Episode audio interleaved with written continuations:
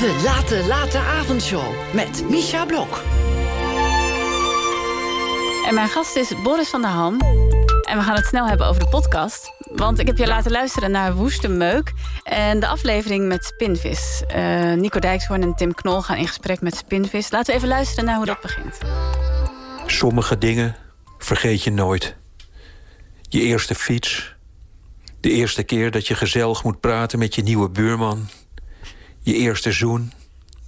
En je eerste keer spinvis. Ik hoorde spinvis voor het eerst zingen toen ik in mijn auto zat. Ik verstond alles. Ik begreep niets.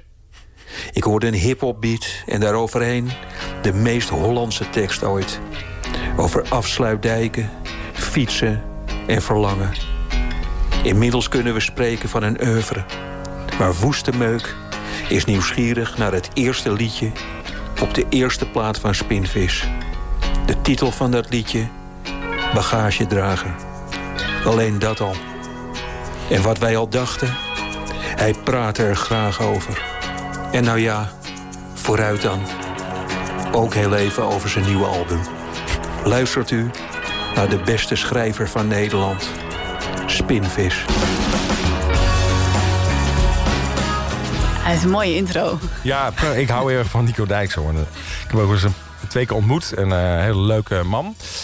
Uh, en ik vond de podcast vond ik ook um, zeker de moeite waard. Um, want zij weten veel van muziek. Ze kunnen er mooi over spreken. Ze stellen goede vragen. Ze, ze lokken op een positieve manier de, de, de uh, artiest uh, uit de tent. Hè? Dus door hem ook zo'n beetje beproefde techniek... door iemand heel erg in een watten te leggen en heel aardig te zijn... dat iemand ook begint te praten, ook over persoonlijke uh, punten.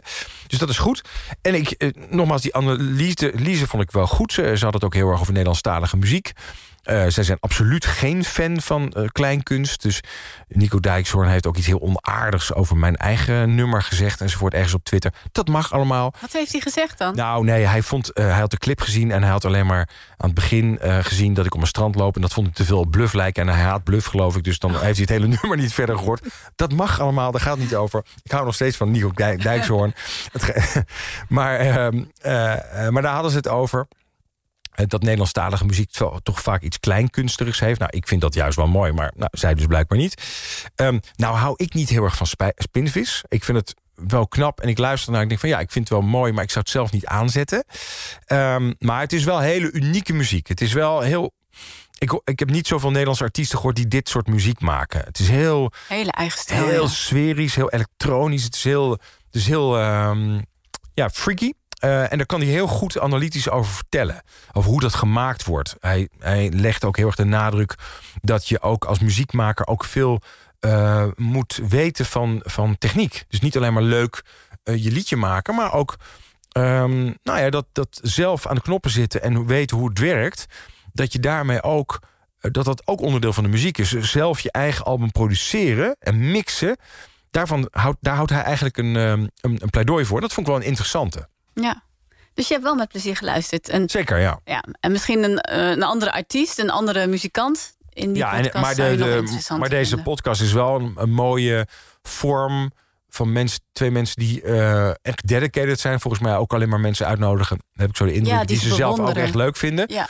Het is ook gewoon heel leuk om gewoon positiviteit te horen. Ja, over toch? mensen die heel enthousiast over iets zijn. Dat is altijd al fijn.